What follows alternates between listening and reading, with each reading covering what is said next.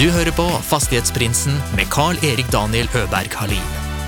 I denne podden får du følge med på eiendomsinvestorer fra Sverige og Norge når de deler sine erfaringer og tips med oss lytterne. Gjestene er alt fra småbarnsforeldre med sin første enhet, til de mer etablerte haiene. God fornøyelse. Okej, men vi ska ut på börsen om tio år. Ja, om vi ska ut på börsen och utföra en IPO, men då vet vi att vi måste bygga stommen ordentligt. Det får inte bli för mycket lösa delar så att det behöver klistras och klippas ihop alla i, i slutändan. Utan det, det viktigaste är att bygger vi stommen ordentligt och robust så har vi med oss det i längden.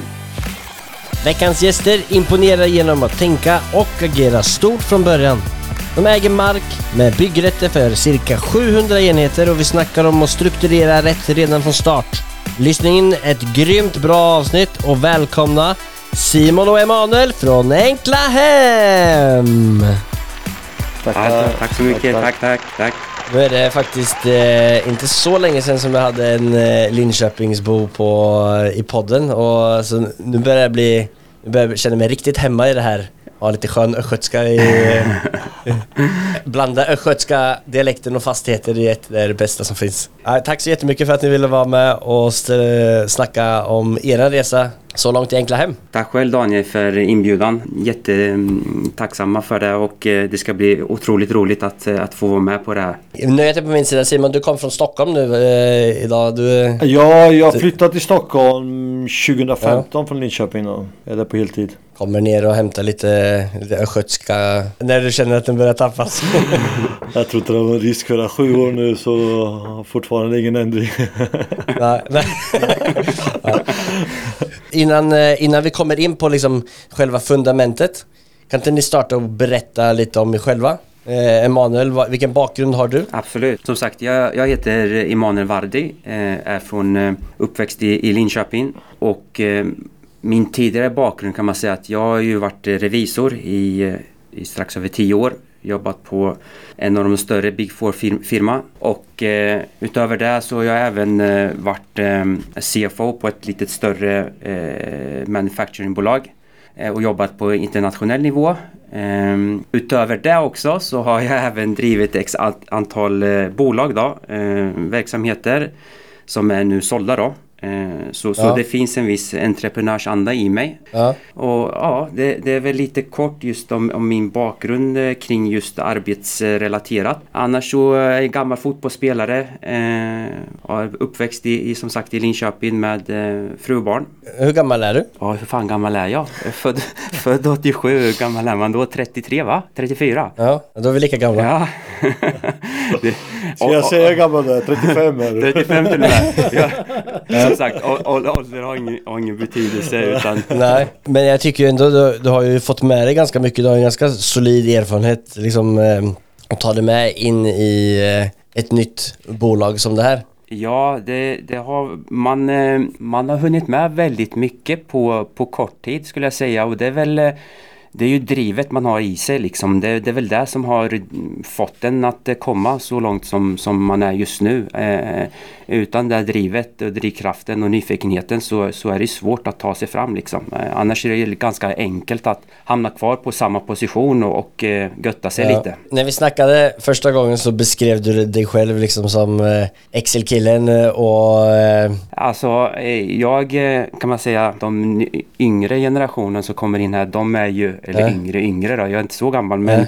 men de är ju betydligt vassare än mig på Excel eh, även fast jag är rätt Ja. duktig på Excel men Men det är ju så här att eh, vi, när vi gör affärer så vi använder inte Excel utan eh, mitt Excel-ark är min kollega Simon här. Okej. så, så, så jag ringer bara honom och frågar är det här intressant? Och så får jag svar inom eh, 15 sekunder i princip. Jaha, Och sen okej. tar vi vidare Nej, därifrån. ja, ja, ja, för, men det jag tänkte summera upp i alla fall var att du, du beskrev dig själv liksom som eh, analytikern och Ja. försikt, den försiktiga delen i, i ert partnerskap och, och Simon var kanske lite mer han som eh, hade båda fötterna på gasen och du var liksom fallskärmen på bilen för att... Ja men alltså så är det ju. Alltså, man är ju revisor och utifrån eh, revisorsperspektiv man har arbetat så har man ju ett annat risktänk eh, än en entreprenör som Simon är i grund och botten. Så, Ja. Så Ja. det, det, det är ju liksom det man har med sig från eh, revisorstiden att man, man ser ju hela tiden okej vad finns det för risker, analyserar riskerna och eh, utifrån bankens perspektiv. Jag vet ju också lite hur bankerna tänker eh, i och med att jag, man har jobbat tätt med bankerna. Och, eh, så, så det är en viktig aspekt att ha med sig eh, när man bygger just eh, kopplat till fastigheter så, är- så är det att ha det här riskperspektivet är ju väldigt viktigt att ha med sig. Eh, det. Ja, men då Simon, du, är- du är ju liksom, så som jag har förstått det, entreprenören. Eh, eller bägge är entreprenörer, men vad är din historia? Vad, vad har du drivit med fram till nu? Ja, jag skulle säga att jag har varit egentligen egen nästan hela mitt liv. Har jag drivit företag och haft eh, egna Ja. verksamheter. Och jag har varit eh, ganska mycket tidigare då, har jag varit i andra branscher och, eh, och man har ju haft ett långsiktigt tänk hela tiden att jag ska in i fastighetsbranschen eh, när, när man väl Mm. får möjligheten. Det är inte alltid så lätt och det är ju just, just det här med finanser som är en stor nyckelfråga, konstant stor nyckelfråga i fastighetsbranschen som eh, Ja. eh, som eh, man har liksom väntat in lägen när man har sett att det finns möjlighet att hoppa in då och ja, Mm. det är där, där jag är idag liksom. Där vi är idag. Har du haft partner eh, på något sätt tidigare eller? Jag har haft partners tidigare men under kortare perioder då. Större delen av mitt eh, liv har, mitt entreprenörskap har jag varit helt ensam. Men du sa att du hade hållit på med lite hotell eh, tidigare. Ja precis, eh, det är inom turistbranschen, hotell och sen en turistanläggning i Linköping då har jag, har jag drivit tidigare. Så jag äger dem fortfarande men jag är inte involverad i driften liksom. Men är det själva hotellverksamheten eller är det fastigheterna också? Nej, det, just, just i det här fallet är det i ena delen i hotellet är det verksamhet och, eh, och turistanläggning finns det del av fastighet då, men det är egentligen mest kopplat till verksamhet kan man säga. När var det liksom eh, du kom in i fastighetsbranschen? Var det på samma tidpunkt? Eh, Alltså, eller var det i, i det här enkla hemkonceptet eller har du någon annan erfarenhet inom? Jag skulle säga att jag klev in och förvärvade min första fastighet 2015 i form av mark då kan man Mm. säga. Det var det, Mm. mitt första liksom steg in kan man säga. Och när var det ni kickade igång eh, liksom och när ni blev eniga om att ni skulle köra det här upplägget med enkla hem? Det var eh, vintern 2020 blir det va? Ja. Ja, det är Ja. ett och ett halvt år sedan här. eh, En, en vinterkväll där var det, vi satt, jag, Ja. jag och Emanuel tog en fika där och så Vi, vi tog en fika där och sen så eh, berättade Simon om en idé egentligen. Eh, Okej. Och eh, den tyckte jag var väldigt intressant eh, när jag började räkna lite snabbt på det. Och därifrån så eh, gick jag väl, vi gick ju väl hem skilda vägar och sen så dagen efter så hade jag byggt upp en affärsplan redan. Precis så var det. På typ, ska- eh, jag ska på typ vänta 15 länge. sidor någonting. Okej hur, hur, vi ska, hur vi ska agera och allt ifrån eh, hållbarhetstänk till eh, ja, fokus och etc. Så det var där eh, kan man säga det kickade igång och sen så, sen så spann det bara vidare liksom. Eh, gjorde det. Kan du kort ta kortversionen av de 15 sidorna? Alltså vad är själva enkla hems koncept? Vad är det ni har för ambitioner med? För det är egentligen det som liksom in, vi, vi, eh, det är det som vi ska gå in på egentligen idag. mm. Vad konceptet är och vad ni har byggt upp hittills och vad ambitionerna är och hur ni har gjort det liksom. Nej men alltså enkla hem är ganska, det är ganska tydligt egentligen. Eh, och så som det låter, enkelt, alltså det är väldigt enkelt. Det ska vara enkelt hela vägen. Allt ifrån att göra affärer med oss till att eh, vara hyresgäst. Eh, så, så hela vägen handlar om enkelhet och hållbarhet. Det ska finnas ett grönt tänk som genomsyrar hela, liksom alla, trans, alla processer, alla flöden eh, i vår organisation. Eh, och, och det är väldigt viktigt med just det här tänket i dagens samhälle och man kan säga att eh, kort och gott liksom vår core business är att vi ska eh, förvalta hyresbostäder och eh, eh, samhällsnyttiga fastigheter. Primärt då hyres, hyresbostäder. Mm, Sen så eh, vi, gör allt kan man säga, alltifrån projektera, eh, producerar och förvaltar eh, bostäder. Även fast vi inte har det inhouse så, så, så styr vi det, liksom det hela. Eh, vårt fokus är ju att ha ett långsiktigt hållbart fastighetsägande, fastighetsportfölj liksom. Och, eh, eh, och ha liksom ett genuin hemkänsla hos, hos våra hyresgäster. Eh, vi saknar den här enkelheten eh, för, för, för, för att vara hyresgäst Eh, och det känner vi att eh, det är en viktig fråga och eh, även eh, hållbarheten då. Så, så där kan man säga att kort och gott, det, det är liksom det som vi har fokus på. Är det.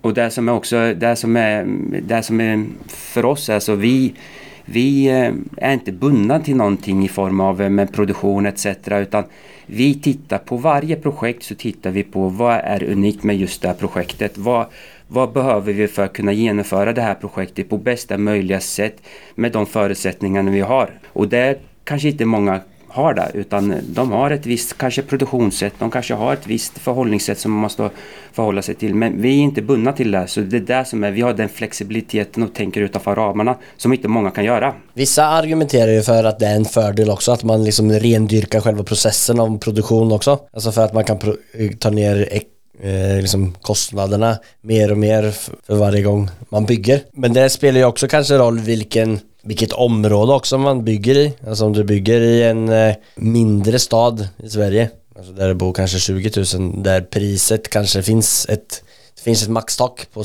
på försäljningspris eller uthyrning också.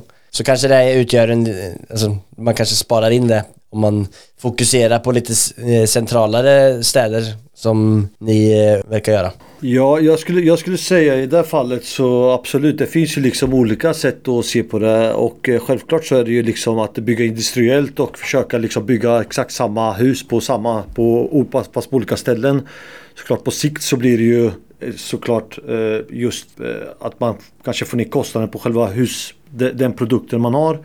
Men sen skulle jag säga att risken med det också det är ju det fin, det är liksom att säga om en husproducent till exempel inte får in sitt eh, byggsystem i en viss detaljplan eller att man tappar byggrätt på grund av att eh, byggsystemet inte passar den detaljplanen till max eller mm. då, då, tappar man ju byggrättsyta istället och, och eh, det är ju alltid viktigt att få ut Alltså ju mer man bygger på samma plats ju lägre byggkostnader per kvadrat ja. blir det på grund av ja, olika omständigheter och olika mm. faktorer. Ja. Mm. Och ja, eh, där skulle jag säga att där finns ju också en, en risk i det att man eh, när man eh, förhåller sig till ett och samma byggsystem att man kanske tappar projekt eller man kanske inte får ihop ekonomin på grund av att man eh, tappar byggrätt liksom. Ja men det är sant. Alltså, jag, jag är ju ett fan av att tänka stort. Det som jag gillar med er är ju att ni tänker ju jäkligt stort.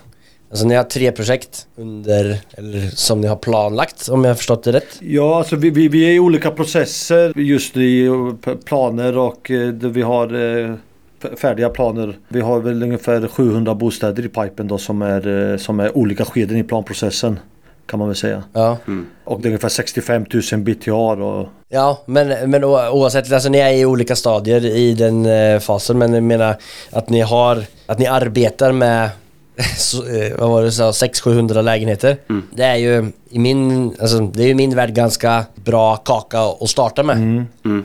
Ja, jo, det är det.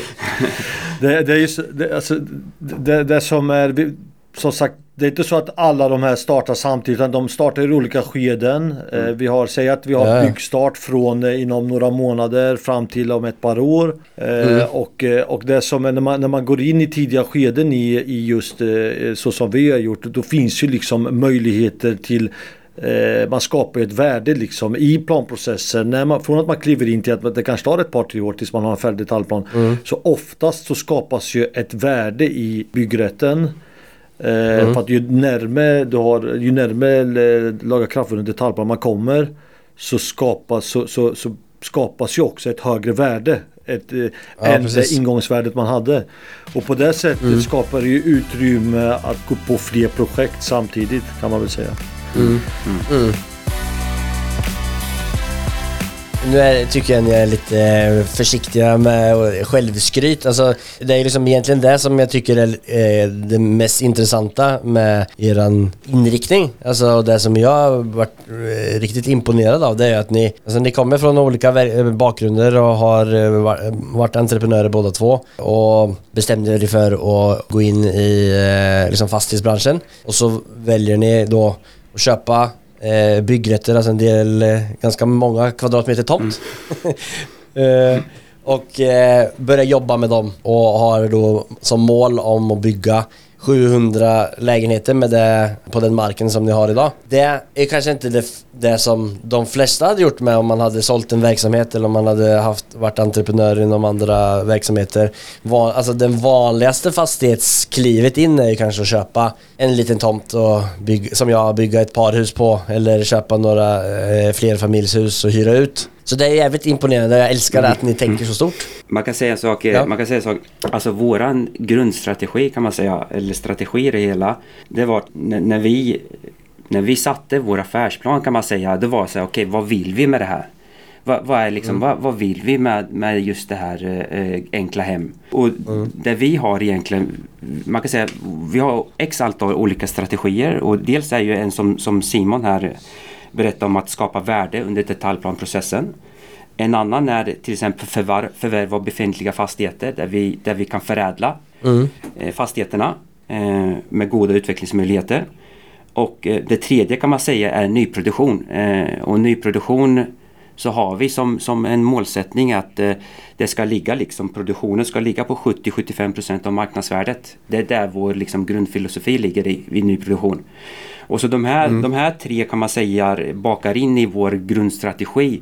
Och sen vår långsiktiga strategi är ju eh, när vi satte den här så okej, vart vill vi stå om tio år? Ja, men en bra förutsättning för att, för att eh, kunna bygga en professionell organisation det är att okej, men vi ska ut på börsen om tio år. Ja, om vi ska ut på börsen och utföra en IPO, men då vet vi att vi måste bygga stommen ordentligt. Det får inte bli för mycket lösa delar så att det, det, det behöver eh, klistras och klippas ihop alla i, i slutändan. Utan det, det viktigaste är att bygger vi stommen ordentligt och robust så har vi med oss det i längden. Och sen om, om, om vi är där om tio år vet vi inte. Okej, Vi kanske ska utföra IPO eller inte men då har vi i alla fall byggt upp stommen ordentligt och då vet vi att vi har en, en bra grund att stå på. Och det är det här som är att bygga organisation är så viktigt. Eh, eh, och, och, och det är ju så när man tänker stort och då, då måste man tänka på det här. Och nackdelen är, ja det, det tar väldigt mycket kapital. Det kostar väldigt mycket. Men du får igen det i slutändan. Men det, alla har inte möjligheter till det. Det är väl det som är det svåra. Nej. Skulle jag nog säga. Jag skulle nog säga så här också om man eh,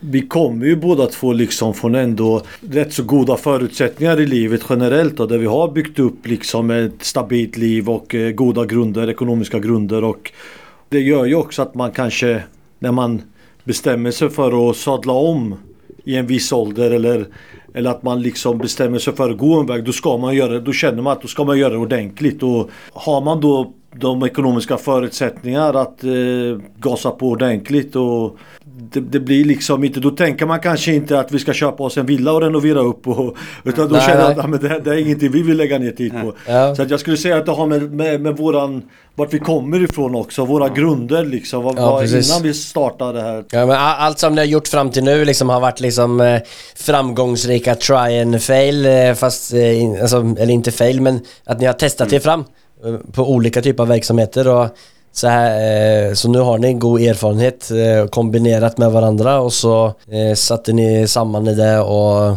ska bygga liksom ert mästerverk typ. Ja, precis. Ni har ju liksom satt samman ett gäng, eh, en styrelse som ändå består av en bra grund folk också förstår jag. Hur liksom satte ni samman i den och hur fick ni med er folk liksom i... Man kan säga så här, vi har, vi har inte, eh, den, den styrelsen är inte offentlig än egentligen. Det vi, det vi har Okej. gjort egentligen kan man säga, alltså, alltså för att bygga oss en här organisation som, som tänker långsiktigt och stort, alltså, då, då är det ju viktigt att ha med rätt personer på vägen. Eh, för grejen är att eh, jag och Simon, vi kan inte allt liksom. Vi kan mycket men vi kan Nej. inte allt. Och på vägen så behöver vi stöttning eh, från olika erfarenheter från människor. Och, och det vi har gjort egentligen, det vi håller på att göra det hela tiden löpande, det är att vi, vi har byggt upp en eh, advisory board där, där vi har ett eh, x antal personer som vi bollar liksom eh, idéer och finansieringslösningar etc. Eh, på sikt så ska det här generera till ett professionellt styrelsearbete. Men det är för tidigt att göra det just nu känner vi och därför har vi advisory board för tillfället eh, som är inofficiellt då.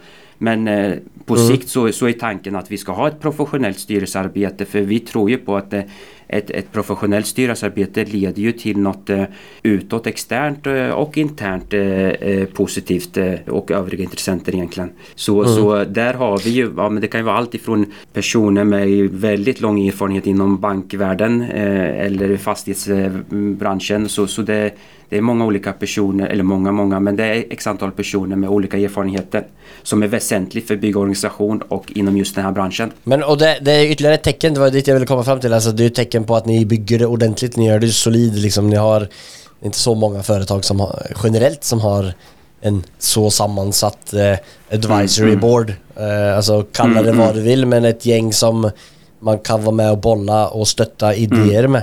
Det är bara, blir bara väldigt imponerad och eh, Ja, men det, det är något som eh, vi har, eh, alltså från egen erfarenhet, att det, det är viktigt att ha med sig det liksom, med, med, det som vi vill uppnå. Liksom. Så, så det är helt som du säger, det, det är inte alla som tänker på det, men det, det är också viktigt att, att ha med sig att man kan bolla med människor eh, på vägen dit och, och eh, speciellt människor som har erfarenhet eh, av just den resan eller liknande resor.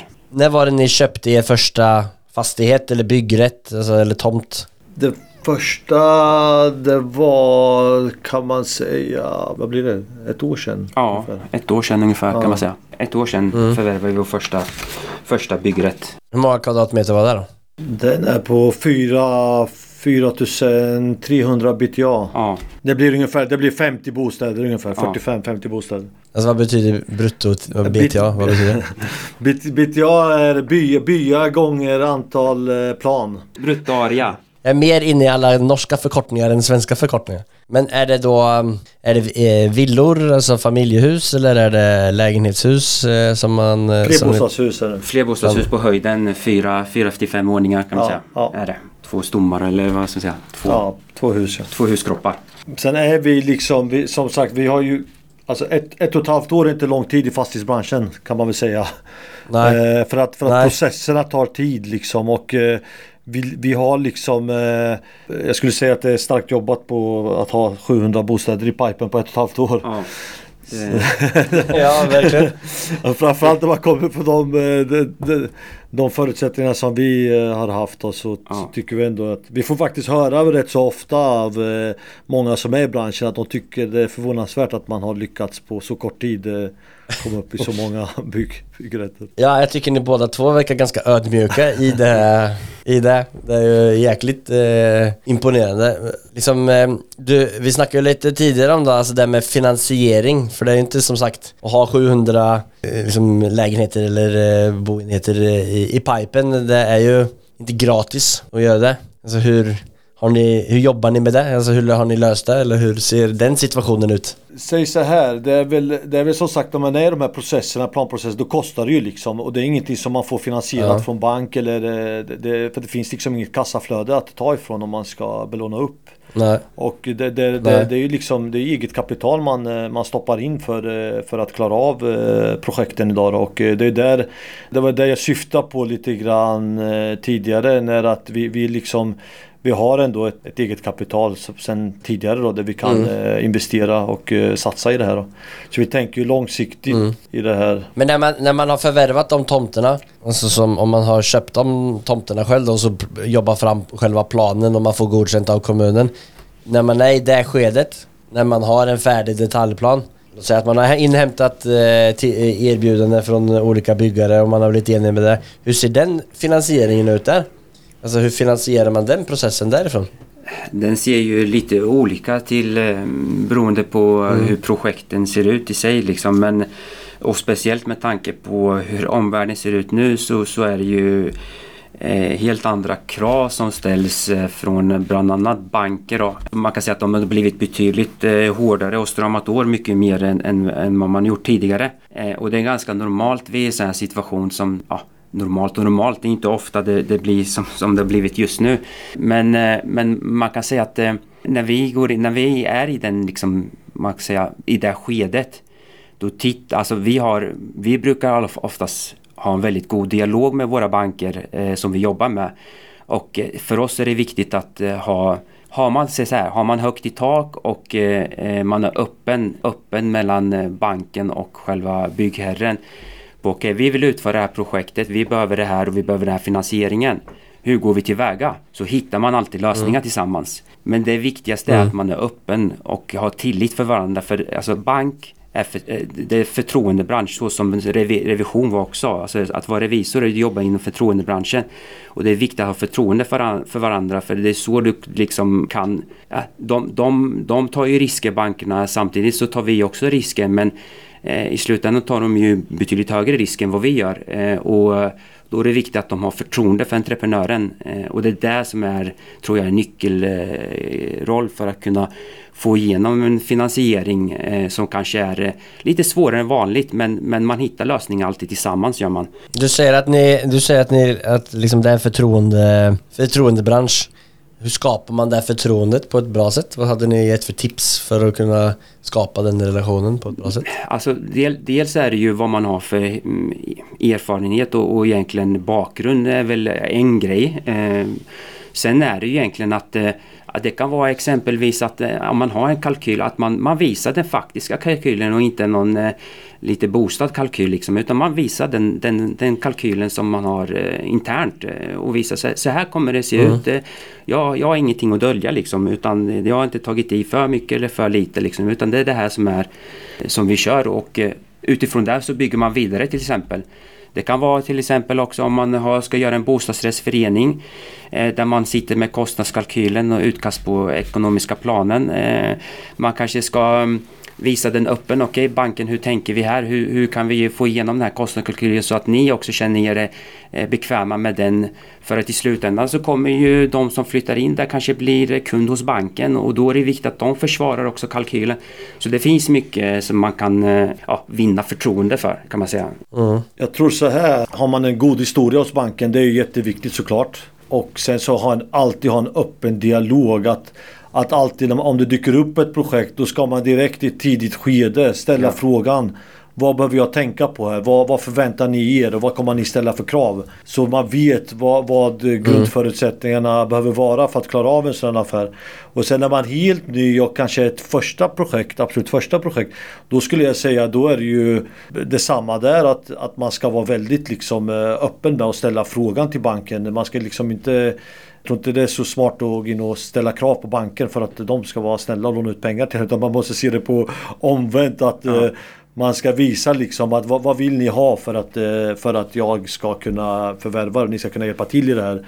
Och, och då tror jag också att det är väldigt, väldigt viktigt att man har koll på det man håller på med och siffror och mycket frågor kommer att ställas och man ska ha liksom bra utförliga svar. Att man, man ska kunna visa på att man har liksom kontroll på sitt projekt. Det tror jag är jätteviktigt. Har ni mött på några motgångar hittills eh, i enkla hem eh, alltså, karriären? Motgångar och motgångar skulle jag alltså det, det är ju upp och ner hela tiden. Det är ju någonting som man förväntar sig kanske när man startar. Ja. är ju långt ifrån när man har ja. kommit en bit där. Alltså det, det, är ju det är ingen motorväg liksom. Det är ju det är små landsvägar. De är krokiga och eh, Eh, det är, vissa perioder har varit lite tuffare än andra och, eh, men, eh, men det är ju något som vi har kalkylerat för att det, det är inte en, en rak väg som, som många tror utan det är det är tufft alltså. Det, man får lägga ner tid och eh, energi och eh, det är motgångar, eller motgångar, men det, det, det, det tar på psyket göra om man inte har varit med om det innan. Ja, det gör ja, det ju. Ja. Det skulle inte, det skulle inte mm. ljuga om utan det, det, är viktigt att ha med sig det om man, om man ska göra en sån resa. Det, det tar mycket man funderar väldigt mycket gör man. Eh. Säg så här, säg så här det blir ju på, det, när man går in i, när man där man hållit på med tidigare kanske så finns det alltid liksom eh, möjligheter till eh, om man skulle riskera något och om någonting skulle gå, gå åt skogen sig så har man alltid sett kanske att ah, det där löser jag om det inte går bra liksom. Men men här lägger vi till eh, ett par mm. nollor i kalkylen. Och då finns det liksom inte ja. så mycket hjälp om det, ska, om, det skulle gå åt, eh, åt skogen. Då. Men samtidigt så är det ju så att eh, det är så liksom i, när, man, när man är entreprenör och man driver eget. Det är inte lätt liksom. Det är många timmars jobb och sen så är det väldigt mycket, kommer det hinder på vägen, det är liksom, det, det ingår. Det, det, är bara att arbeta sig igenom hindret. Ser man, hittar man mm. ingen lösning idag så, ja. så brukar jag säga att tiden hittar en lösning. Låt det vara så kom, kommer en lösning. Ja men det låter som att ni båda har ett bra så, entreprenörs-mindset. Liksom att det bara det kommer ett bump och så ska vi se hur vi ska hoppa över eller gå runt eller gräva igenom. Eh, men när ni köpte er första, första mark, kan ni ta oss igenom lite vad processen vidare efter det var? Har ni några fastigheter i, som är i närhet till att börja produceras eller vart är ni i eh, stadierna? Det som kommer börja byggas tidigast här det är ju början på nästa år just för bara enkla hem då. Sen så har vi JV-projekt som vi är i som inte är bara, som, det, det är inte bara enkla hem då. Där vi börjar bygga om några månader. Säg så här, vi håller på... Vad var det för något tillfället sa? håller vi på då med ett eh, JV-projekt då i, eh, i en Vad stad. innebär det? JV? JV det är joint venture när man går ihop med, med en annan. Men Ja, okej. Vi har gått ihop med en husproducent. Skulle jag Ja. kanske kommit på om jag var lite business Ja, smart. eh, där, där är det ju ett, eh, där är ett BRF-projekt då där vi, eh, där vi egentligen är, vi, sätter spaden i backen här, ja säg strax efter sommaren här. Och eh, där är det väl, där det handlar om 100, strax över 100 radhus i BRF-form som sagt. Mm. Sen har vi, vi har en detaljplan som har gått ut på granskning som kommer antas här efter i september antas den. Mm. Och där har vi, eh, det är eh, 50, 50 bostäder ungefär handlar om. Där eh, hoppas vi på byggstart början på nästa år. Vi är inne i en eh, planprocess där vi precis varit ute på samråd. där Det handlar om 120 bostäder i blandad bebyggelse. Mm.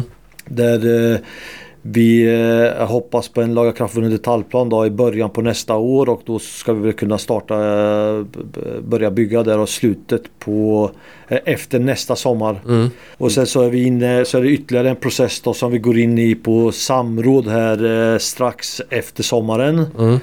Och där räknar vi med att ha en eh, färdig detaljplan, lagakraftvunnen detaljplan slutet på nästa år. Då kan man byggstarta sig eh, våren, våren, sommaren 2024. Mm. Ni är inne i joint venture med, är det, Nej, allt det här. Nej men den, andra, de den, den, första grejen sa du att Ja. som, som var Ja, byggstart ja. nu till sommaren Var ni med i en joint venture? Vad, Ja. vad, alltså är det enkla hem och en, en till eller flera parter? Det är en part till Det, ja, det är en part till är det, kan man säga. som producerar bostäderna. Ja, Mm. Det är ett byggföretag då, så, Mm. så, så vi, eh, man kan säga vi är fastighetsutvecklarna, de är, de är själva byggföretaget. Och tillsammans så, så utvecklar vi då de här eh, rad slash parhusen då tillsammans i olika etapper. Mm. Eh, och, och som sagt, som vi nämnde i början där så det, det, är liksom, det här är inte riktigt vår core business, eh, BRFR, utan eh, Okej. vi jobbar ju helst med hyresfastigheter och eh, samhällsnyttiga fastigheter. Men vi gör som sagt även BRF-projekt. Mm. Eh, det är fint att ni kan ta på er ett litet sånt eh, första 50, ja, hur många enheter Nej men det är bra, det är bra att få in kassa ibland också för att Ja, kunna det- förvärva liksom. Det är det som är syftet med Ja. BRF-projekten kan man väl säga. Ja, Det är alltid bra att ha något rullande ja, kanske. Ja. Fram tills man har tillräckligt med kassa för att eh, kunna förvärva Mm. eh, det man vill liksom. Mm. Nej men det är så spännande. Vart är det här projektet då? Det ligger i Västervik. Ja, Precis, eh, strax vid vet du, skärgårds... Eh, Örserums havsvik eh, blir det. Så det är precis där vid havet är det. Ja. Eh, så jättefin utsikt. ja men så fint. Ja, Kanonläge. Jag älskar att ni är så ödmjuka i allt ni håller på med. Får det att låta som så smått men jag själv hade väl liksom eh, stå, stå och pratat om att jag håller på med, med fastigheter, jag bygger ett parhus. Liksom så här, ja, det hade ni knappt nämnt. ja, det är så bra. Ja, men det är grymt, jag är jävligt imponerad av er alltså, måste jag säga. Vad är, vad är liksom, eh, ni, har, ni säger att ni har ambitioner till att vara, eh, liksom i alla fall bygga sällskapet till att det ska gå på börs om tio år, att det är möjligt att göra det om ni, om man önskar att göra det. Har ni någon så här, hur stort ska det vara eller vad är det, har ni någon sån här bild om hur det ser ut om tio år eller framöver? Tio år eh, så skulle jag nog säga att vi har, eh, om jag får eh, tala om våra visioner Ja, lite ja, men så, det- så tror jag ändå att vi ska väl ha ett åtminstone ett par till tusen bostäder. Ja, Två till fyra tusen bostäder. mm. det är en fin Som ambition. förvaltar. Ja, det är en Och, bra ambition. och, och försöka ha en, en produktionskapacitet på årligen på ungefär mellan 200 till 400 bostäder. Mm. Årligen skulle jag nog säga. eh, Takta där någonstans. Så, så det, det, det, det är ju viktigt att, eh, att ha de här olika delarna då. Dels som, som vi berättade i början att ha de här byggrätterna för att kunna ha en produktions... eh, En orderstock liksom Mm. kan man säga. Eh, Som i, som i industrin. En orderstock kommande fem åren. Mm. Vi vet vad vi ska göra, vi vet vad vi behöver. Eh, och, och sen då titta på befintliga hyres, hyresförvärv egentligen, eller bestånd Mm. för att förvärva och förädla. Planen är att vi ska, första hyresbeståndet ska vi eh, försöka förvärva under 2023 då. Mm. Okej. Är det i Östergötlandsområdet eller?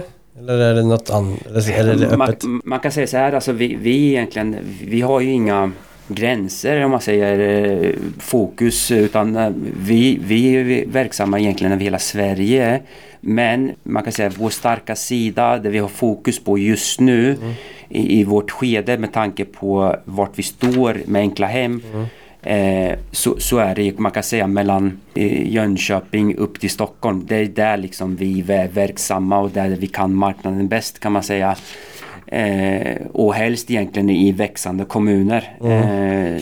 Känner vi, där, där, finns det, där känner vi att där, där passar det in i, i vår liksom, affärsplan och affärsidé. Mm. Gör det. Mindre växande kommuner framförallt. Ja. Där man eh, Där kanske de här större aktörerna, bostadsutvecklarna kanske inte lagt så mycket fokus på i många år. De har varit upptagna i storstäderna. Mm. Där vi ser väldigt eh, stor efterfrågan på aktörer som kommer in och är med och utvecklar staden. Mm. Alltså för jag önskar att vi hade mycket mer tid för men jag bara eh, kastar in eh, en fråga till. Alltså själva liksom det mekaniska liksom i, för du, du, du sa du, du, att, ni, att det blir som liksom en industri, ni köper en, en tomt, ni har en bra orderstock. Alltså ni är ju extremt systematiska. Och hoppas jag att det kommer fram i vårt samtal också. Men för, för vi har ju pratat mycket tidigare också. Och det är det som har gjort mig så imponerad över liksom att ni ser det så systematiskt. När man liksom köper den tomten och man, alltså hur är det man liksom, hur, hur är det kort förklarat i punkter då. Man, man går tillväga efter man har köpt den här tomten. Och hur liksom bygger man upp den eh, processen vidare? Ja, därefter är det då börjar man ju titta på, alltså säg så här långt innan, eller innan man har förvärvat, och beroende på såklart vart man är i processen, om mm. det finns en lagakraftvunnen detaljplan eller om man fortfarande är under en planprocess, så ser man över förutsättningar, eh, förutsättningarna först och främst då. Mm. Egentligen eh, innan man Det gör man under DD-processen ja, under DD-processen. Alltså mm. diligence-processen. Mm. Ja, och när, man, och när man väl har liksom eh, klivit in i projektet då så ser man, är det så att man har en färdig detaljplan då är det direkt liksom eh, man drar igång eh, om man ska in med bygglov eller eh, bygglovsansökningar, se över krediter, hur löser man byggkreditiver. Mm. I, alltså, Vad innebär byggkreditiver? Sådana här saker som, som, som vi det, det, har man egentligen tittat upp redan innan. Ja. Annars går man inte in i förvärvsprocess när man inte kan förvärva mm. för att få ut krediter. Mm.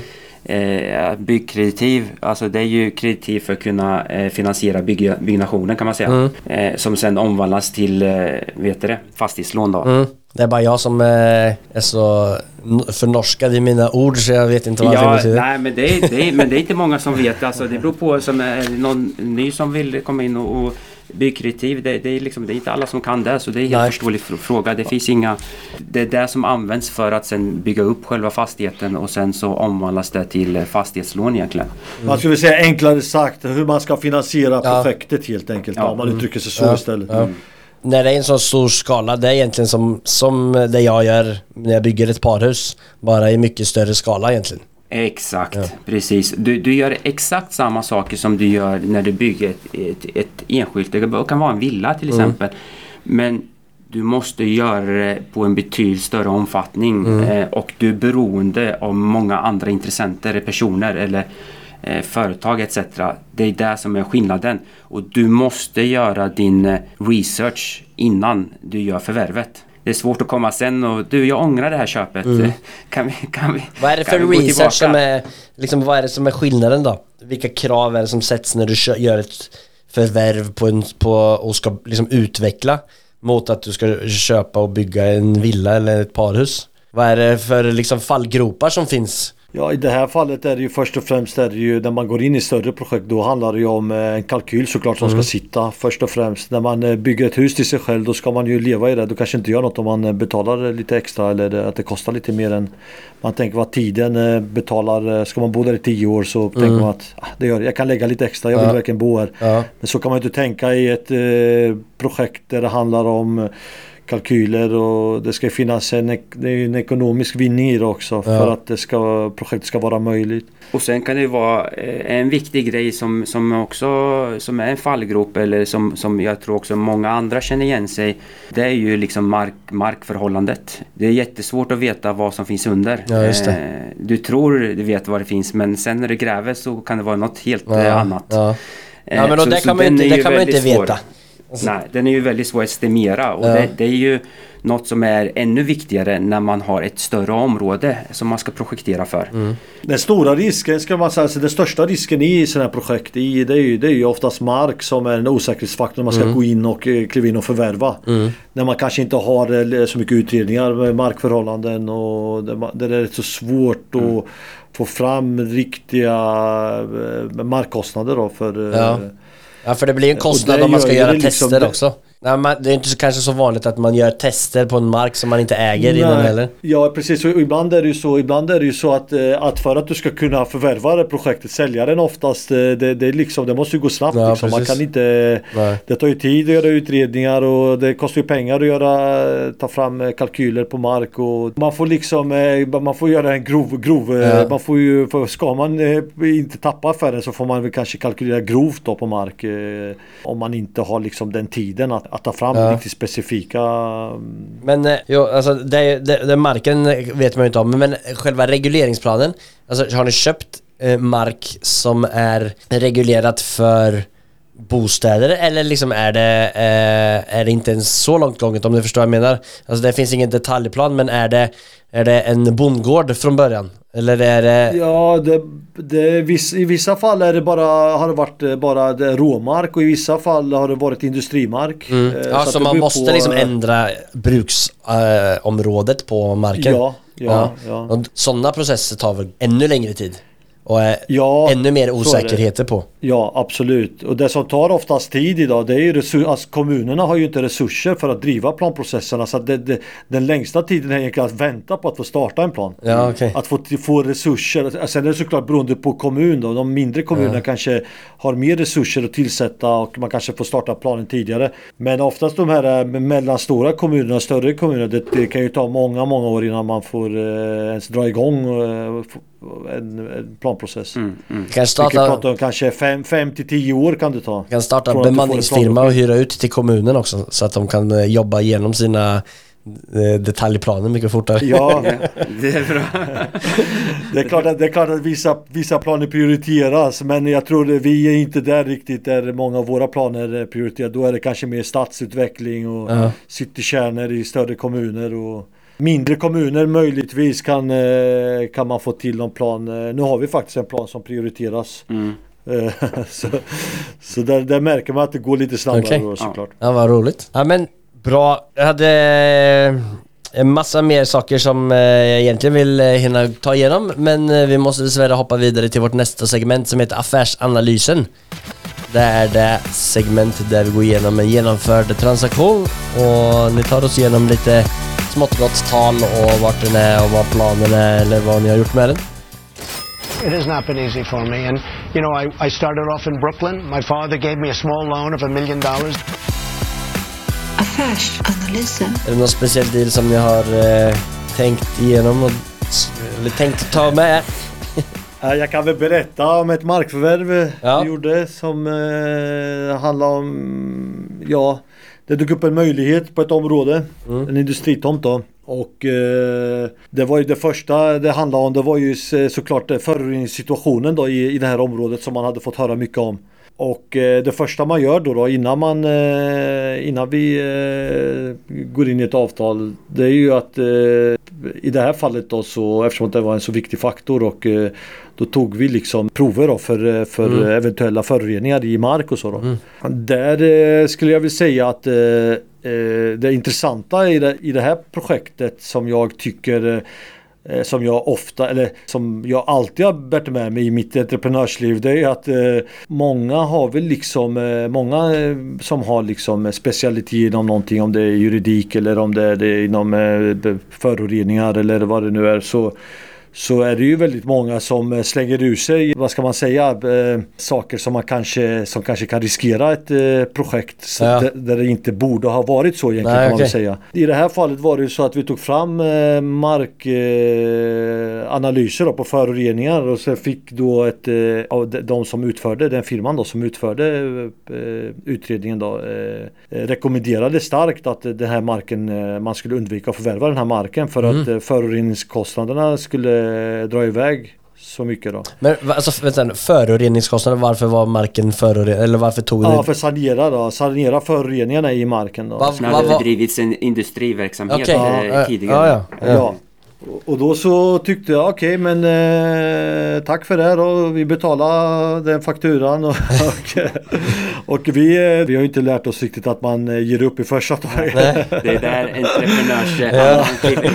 Så då var det så, då var det vår advokat då hörde av sig till mig då och eh, innan då eh, vi skulle eh, signa det här eh, Innan då så, så tyckte han, så jag pratade med advokaten, vad tycker du? Och eh, då tyckte han att eh, det fanns någon på de, i deras byrå då som var väldigt eh, specialiserad eh, inom just eh, föroreningar, fastigheter Okej. och eh, han tyckte att jag skulle ta ett samtal med honom innan vi bestämde oss. Ja. Så äh, tänkte jag visst absolut, eh, han får ringa mig eh, så kan vi ta ett samtal då. Då så fick jag dagen efter då, fick jag ett samtal då. eh, Det, var- det var ju bara i gott syfte liksom att eh, minimera risker, Ja. risker för oss då kan man väl säga. Eh, då får jag ett samtal av, eh, jag minns inte vad han hette nu då, men eh, då så eh, frågade han mig då vad jag, eh, alltså inställningen till det här med föroreningar och eh, då undrar jag vad han tyckte liksom. Mm. Försökte han liksom, men eh, det är liksom, eh, det är väl bra om du, de har du tänkt igenom det här ordentligt och du vet det är ju rätt så mycket föroreningar det här och jag rekommenderar ju dig att kanske inte gå på det här liksom och förvärva den här marken. Mm. Då så då ställde jag bara, då blev jag lite förundrad och ställde en rak fråga till honom och sa att ja, jag litar på din eh, kompetens men jag blir väl, du är inte den första som säger att eh, vi ska undvika att förvärva det här. Men eh, en, en sak vet jag, det, räkna kan jag göra och Ja. kalkyler eh, kan jag uppskatta och så. Och eh, det som eh, förvånar mig mest av allt är att det är fortfarande ingen som har frågat hur mycket bostäder vi kan bygga i det här området. För att om vi kan bygga fem villor på en mark som är eh, 20 000 kvadrat eller om vi kan bygga 100 bostäder Ja. så blir ju föroreningen fortfarande densamma Ja. i hela området. Ja. Så att om det kostar 10 miljoner att sanera för fem bostäder eller om det kostar 10 miljoner att sanera för, för 100 Mm. Ja. bostäder Ja. så är det ju liksom, det är klart att det är en eh, jättestor skillnad. Ja, ja. Och då ställde, då frågade han mig, men vad då? Hur, hur, hur många bostäder kan man bygga här? Ja. Ja men det handlar om eh, runt 100-120 bostäder. Ja men då så, du men- klart koll på vad. Okej. Och eh, så att det var ju liksom eh, Ja, det, ofta, oftast, oftast så är det ju så såklart. Man ska ju ta råd av Ja. eh, de som är sp- specialister inom sina områden. Mm. Jag, har, eh, jag, jag tar in eh, information och sen så gör jag min egna bedömning i slutändan. Mm. Ja men det är jävligt viktigt, alltså det där var riktigt bra eh, exempel eh, på någonting som man ska ta med sig. Alltså för det är så jäkla lätt att lyssna på experter. Som du säger, Ja. man ska göra det. Men här satt de och tog inte med en liten jävligt viktig del. Ja, Ja, exakt. precis, Ja. exakt. precis. Och jag menar så här, många tror jag hade stannat redan där vid eh, när man första, har gjort eh, utredningarna Ja. och när de rekommenderar att man inte ska förvärva så Nej. kanske många hade Hade stoppat inte hoppat Ja. in i affären. Mm. Men eh, sen har det visat sig i alla fall att det var en väldigt lyckad affär. Ja. Ja. Fan vad bra. Nej men och det är ju det där liksom som alla gäster här eller alla lyssnare också eh, som vi pratar om det här med hur fan finner man så jävla bra deals? Det handlar om att lyssna på sig själv. Alltså och följa, följa sin egen tanke för det är ingen annan som ser det du ser. Alltså möjligheterna som eh, dyker upp där, eh, det, det var ett väldigt bra exempel. Det var... mm, Ja. Sen tror jag så här för att hitta bra deal så är det jätteviktigt. Man måste ju våga, man måste ju våga ta risker. Man Ja. ska inte vara rädd för Precis. att man ska göra sin egna bedömning och sen ska man liksom Man ska ju gå på sin magkänsla liksom. Man ska, man ska kanske Det är alltid oftast när man ställer Säg så här Oftast när man ställer, ber om råd av någon Så oftast så får man ju liksom ett väldigt eh, Vad ska man säga det är ingen som säger till dig men kör bara. Nej. Eh, Utan alla kommer ju liksom Jo, med jo, sin... jo, du säger Ah. det. du säger så. Okej. Då ska jag ringa Men- till dig men- Simon nästa gång jag behöver ha lite push. Nej men jag menar, jag menar det, det är ju ofta så när man går till rådgivare så kommer ju de alltid upp med Ja. rekommendationer för att, för att liksom mini, alltså riskminimera och de kanske inte vill Säg så här, det är alltid liksom eh, lite åt det negativa hållet. Mer än att eh, liksom trycka på att man ska förvärva. Ja, men är man en, man- är man en rådgivare liksom så ja, är det ju hellre ge, eh, trygg på att ge säkra råd. Alltså, Ja, de är exakt, ju inte exakt. entreprenörer, det är ni som är entreprenörerna, det är ni som är, man måste ju ta risken såklart innanför Ja, vissa ramar. Men eh, att göra någonting eh, nytt, eh, utveckla en fastighet är ju att göra någonting nytt som tidigare ägare eller eh, potentiella nya köpare kanske inte ser. Så det är ju som du säger, att hitta möjligheterna, det är det som är liksom sporten som ni har valt. Just det. Ja. Sen det, det viktiga är liksom det är det att det- när, när du, du får ju liksom, okej, de här riskerna finns det, de här möjligheterna finns det. Då får man backa tillbaka bandet, få lite helikoptervy. Okej, vad har vi för något? Vad har vi, något, vad har vi för liksom, eh, risker och vad har vi för fördelar här? Och därifrån får man liksom fundera och fatta ett beslut egentligen. Det, det, det är viktigt att inte ta ett förhastat beslut utan fundera igenom ordentligt. Det är ack så viktigt eh, tycker jag. Mm. Fastigheter, alltså det kommer ju från andra, olika bakgrunder. Men, eh, och jag kommer från en annan bakgrund men för mig, mig så har jag blivit helt uppslukad i fastigheter. Alltså jag är så här supernörd. Det är typ som att sitta och prata med... Alltså när jag kan sitta och prata om fastigheter med någon så är det som att se små tonåringar sitta och snacka om Counter-Strike eller POGs eller hockeybilder eller något sånt där. Känner, jag upplever att ni, ni är lite detsamma. För ni, liksom, det är alltid Ja, något nytt att säga eller prata om. Ja. Vi pratar ju timmar i telefon liksom, morgon till kväll. eh, Dagligen. Alltså från när man ska lä- lämna barnen på förskolan till man ska gå och lägga sig. Så fort vi får luckor på dagarna så ringer vi och snackar liksom. Och det är bara fastigheter hela tiden. Det, säg så här, det finns inget roligare att prata om i vardagen. Jag brukar, jag brukar, säga, jag brukar säga till eh, kompisar så att eh, jag pratar mer med, med Simon än med min fru. Ja, ja. Ja. Då, då är det illa alltså. Ja, men det är bra. Då låter det som att ni har en väldigt bra eh, grund att bygga vidare på. Vi kör vidare till vårt nästa segment som heter Fyra frågor och det är de samma fyra frågorna som vi ställer våran gäst.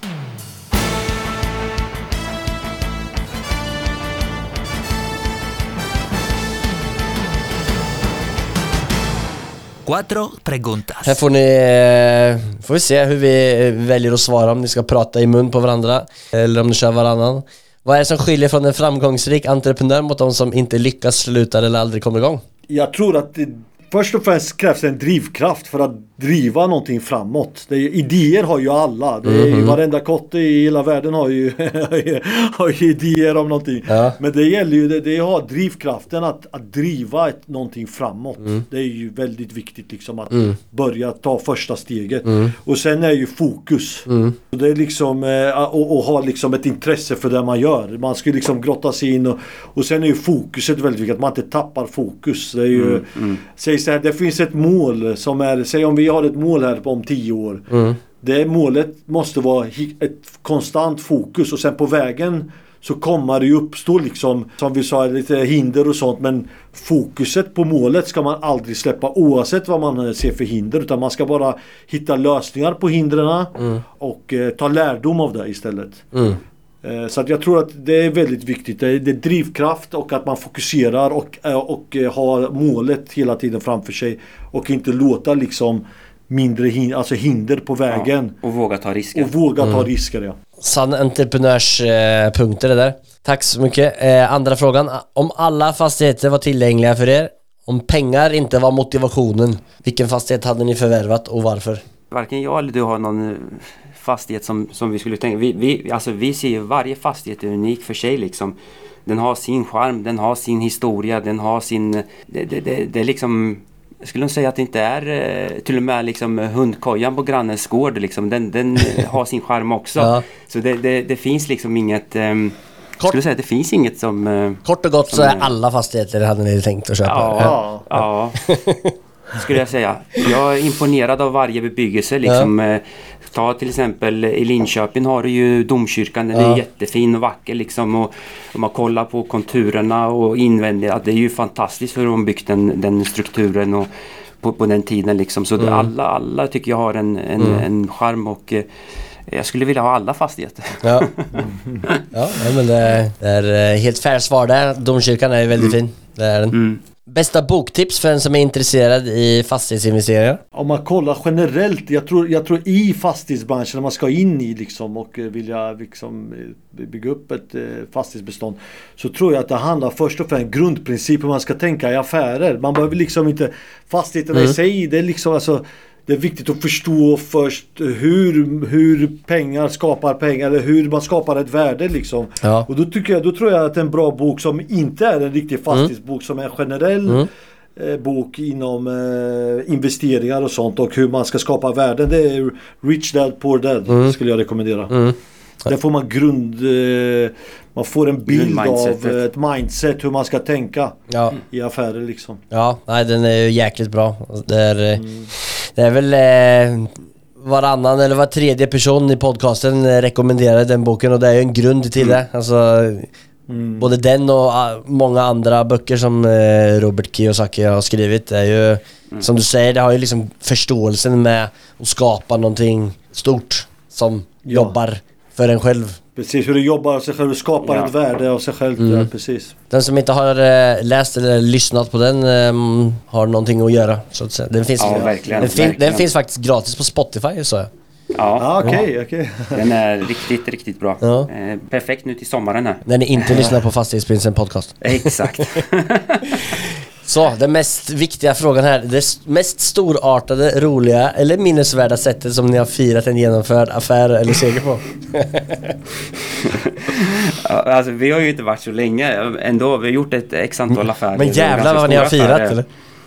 eller? eh, alltså, när, eh, om man tar den senaste affären vi gjorde så vi gjorde klart affären och så eh, dagen efter eh, Ja, vi tog en lunch efteråt så va? tog vi lunch ja. Och så pratade vi om egentligen hur vi ska förvärva nästa affär. Eller hur vi ska göra nästa affär. Hur vi ska, hur vi ska liksom vad har vi strategi för nästa affär? Så, så eh, för oss är det egentligen, vi firar inte så mycket affärerna utan det är en historia och sen så går vi vidare till nästa. Ja. Eh, men det är väl... eh, Jag skulle nog säga mest att vi är fokuserade på, nästa, på att liksom bygga upp något stort och vi ser liksom inte att vi har eh, lyckats med någonting förrän vi har kommit dit liksom. Ja. Och det är liksom... Det, Bara det, är bara en pusselbit som man Ja. sätter ihop Ja. liksom, Mm. till, till den stora eh, helheten. Så, Så ser ingen anledning att fira. Fira är. Nej, det var, det var inget stort delmål ändå så det spelar ingen roll. Nej men, det Men, skiljer eh, väl sig inte men, så eh, mycket mot alla andra som har, det är några som har eh, haft några riktiga vilda fest, eh, fester eh, Ja. efter någonting men de flesta kör väl på där. Men eh, Ja, men man kan säga så här, vi, vi, vi är ju bara, alltså vi är ju, än så länge är vi ju två personer Ja. eh, i det här och som driver. Sen har vi, eh, vi har eh, förberett kan man säga eh, position i varje eh, mm, del i organisationen för att ta nästa kliv. Mm. Eh, förvaltare, eh, ekonomichef, finanschef. Vi har förberett alla de här positionerna. Vi, är, vi har även till och med namn på de här personerna som ska komma in här. Mm. Eh, Så, eh, det kanske, kanske firar då senare när vi är lite fler. Men, Ja. just nu så, Ja. så firar vi på det här sättet. ja, men Vi räknar, med, vi, säger så här, vi räknar med att ha en organisation klar slutet på nästa år för att kunna förvalta åtminstone 1000-2000 bostäder. Ja, ja men det blir spännande. Det låter som att det blir en uppföljning, eh, uppföljningsintervju om ett år. Då. då ska det här svaret vara annorlunda. Då ska det vara en riktig fest genomförd. Tillsammans med dig. Ja, ja om jag, ja, den ska jag bli bjuden på. Jag måste bara fråga, alltså det är ju så här annan matkultur i Norge än vad det är i Sverige. Ni kommer från Linköping så ni vet ju. Det är så här, i Linköping så finns det ju 200 000 olika restauranger. Eftersom att ni firade med att käka lunch. Så bara börjar jag spinna vidare på vilken av alla Linköpings restauranger som ni var på. I Norge så, så finns det enligt min mening inga bra kebab. Men Okej. i Sverige är liksom, mm, det är eh, det bästa. Och i Linköping så finns det ju asmånga bra kebaber. Vilken är eran eh, bästa kebab eh, i Linköping? Oh, den, är, den är svår faktiskt. Den är svår, det, okej. vara- Gamla Marmaris var det. det, det jag gillar deras eh, Okej. jätte, jättemycket. Ja. Eh, annars så... Eh, Eh, tycker jag min egen kebab är godast just nu. Oj, oj, oj. oj. Ja. Eller min brorsas faktiskt. Min brorsas rättare sagt. Ja. Ja, men jag, skulle, jag skulle nog säga om det är så att man eh, går tillbaka till eh, den gamla goda kebabtiden i Linköping. Kebab-eran i Linköping. Pizzeria Apollo var ju väldigt bra, hade ju väldigt bra kebab. Eh, det låg i Skäggetorp. Ja, ja. Och sen även Shalom hade ju eh, väldigt bra kebab. Ja. Men eh, säg, om man skulle säga idag så tror jag mer eh, Chock Nice och eh, Ja. Berlin Dö- Doner. Berlin Döner, ja just det, just det. De ja. Ja, De, de, de har skulle fin jag kunna kebab. komma. Ja, men de Har perfekt. faktiskt, Då ses vi på Berlin Döner i sommar då. Ja. Ja men bra, det var lite viktig näringsavslutning här på eh, avsnittet. Eh, är det några speciella deals som ni är eh, på jakt efter nu eller har ni eh, färdig eh, köpt upp eh, för en stund? Nej, jag skulle säga att det är konstant jakt. Eh, Mm. Det, det är viktiga när man har grunden. Säg bara för att man börjar bygga liksom eh, något av de projekten vi har om två år så, så ska ju liksom eh, när vi säger om två år då ska vi ha kanske 1500 bostäder i pipen och Mm. eh, kanske eh, ha ett bestånd som vi förvaltar på en eh, 500 bostäder Mm. kanske. Vi har vilka- någonting förhoppningsvis. Så vilka områden, eh, om det är någon som lyssnar som eh, har någon tomt eller eh, något hus som de eh, vill bli av med, vilka områden eller vad för typ av deals är det som ni är på jakt efter då? Jag skulle säga Östergötland, eh, alltså här, med vi, omnejd. som, som Emanuel nämnde tidigare, vi tittar liksom från Jönköping upp Mm. till eh, Stockholm kan vi säga. Men säg där vi är lite, lite så fokuserade just nu för tillfället, visst det, Östergötland med omnejd. Mm. Det är ju liksom län i omnejd. Och det är tomter Kalmar- Kalmar och utvecklingsobjekt eh, egentligen. Ja, utvecklingsobjekt, ja, precis. Mm. Ja. precis. Är ni öppna för att samarbeta med någon? Eh, Eller eh, kör ni vi- alltså som joint venture som ni snackade om tidigare? Eller eh, kör ni vidare bara i enkla hem framöver?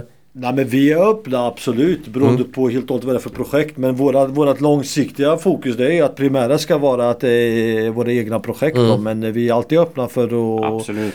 Gå in i JV för eh, bygga upp en erfarenhet Mm. och, och sen framförallt alltså, det är alltid bra att se hur andra jobbar också så man lär sig av det liksom. Det kan vara projekt som är så pass stora så att det behövs fler aktörer för Mm. att kunna driva igenom det. Ehm, Så, så det finns eh, som sagt, vi, vi stänger inte dörrar någonstans egentligen utan eh, vi öppnar. Är det rätta förutsättningar eh, och, och så vidare så, så finns det alltid en möjlighet att titta vidare på det. Om det är någon som tycker att eh, Simon och Emanuel är riktigt eh, schyssta killar och de vill samarbeta med, hur tar man, eh, kommer man i bäst kontakt med er då?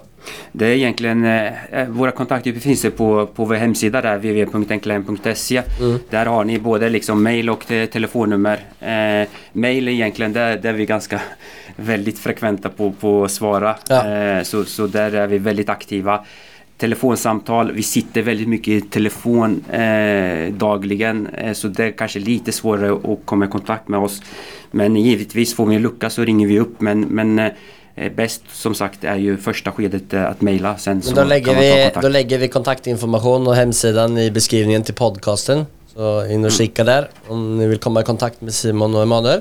Om ni skulle passa vidare mikrofonen till någon annan eh, branschkollega, vem som jag skulle, skulle intervjua härnäst, vem hade det varit? Vi tycker ju till exempel Jakob har ju gjort en intressant, Mm. eh, intressant resa men han var ju, såg vi att han har blivit intervjuad här. Jakob Karlsson, det är K Eh, Fastigheter. Ja. Ja precis, precis. Eh, men annars Alltså så... Selin kanske, Sel- Erik har du intervjuat honom? Nej. Han, Ja, eh, han är ju väldigt intressant att Ja, lyssna på. han är väldigt... Det låter eh, väldigt enkelt allt han gör. han, han sitter och väntar på att få komma in i studion snart så jag hoppas... Nej jag skojar bara. Nej men, eh, då ska vi fråga Erik igen. Ska vi se. har han, på, han, på, han är ganska intressant tycker jag att lyssna på ibland. eh, Han på Fast Partner. eh, Ja, Sven-Olof heter han. Sven-Olof Johansson heter han. Eh, Fast Partners grundare och VD. Ja. Han är väldigt intressant att lyssna på. Ja men spännande. Han ska eh, ta kontakt med och se om han är intresserad av att vara med i eh, podden. Det kan jag inte förstå någonting annat än att han skulle vilja vara. ja men bra. Nu har vi suttit och nördat ner oss i en god timme här. Innan vi ska dra vidare, har ni bara ett sista kort tips för, till alla nya investerare? Först och främst, sätt upp tydliga, alltså Sätt upp en tydlig affärsplan eh, i första steget. Vad är det du vill med det här? Vad vill du komma? Vad vill du uppnå? Vad är dina mål? Och sen egentligen eh, våga ta risker. Och sen eh, läs på liksom och tro på dig själv. Tro på din egna magkänsla. Och sen tycker jag, tycker jag faktiskt är också att göra den här resan med någon annan. Det tycker jag faktiskt är att göra själv. Det är tufft alltså. Det är tufft eh, att göra med två Två kloka huvuden tillsammans eh, oftast, oftast bättre. Eh, är det. Alternativt bolla med någon som har erfarenhet av det i alla fall. Superbra! Tusen, tusen tack för att ni var med och eh, delade med er av eh, eran erfarenhet och kunskap. eh, Och massa lycka till vidare. Tack för att du fick vara med. Stort tack, Daniel. Tack. Två sköna killar från min hemstad Linköping. Ni som lyssnar fast vet att jag är ett fan av att tänka stort och planera mot det redan från start. Och denna strategin, och hitta stora markytor och jobba med dem, det är ju att tänka riktigt stort. Samtidigt som man bygger fundament med finanser, framtida rutiner och anställda och mentorer runt om i företaget. Jag blev riktigt inspirerad och fick upp ögonen för det här på ett nytt sätt. Stort tack till dig som lyssnar. Vi vill väldigt gärna få input från er. Om ämnen eller tips på gäster eller om ni är intresserade i ett samarbete med oss. Så följ oss in på Instagram och skriv där till oss. Där heter vi Fastighetsprinsen. Nu när jag ändå har så pass många lyssnare från Linköping så måste jag ju passa på att hälsa till morsan från Linköping. Kom igen nu Britt-Marie, kör för fan! Ha det!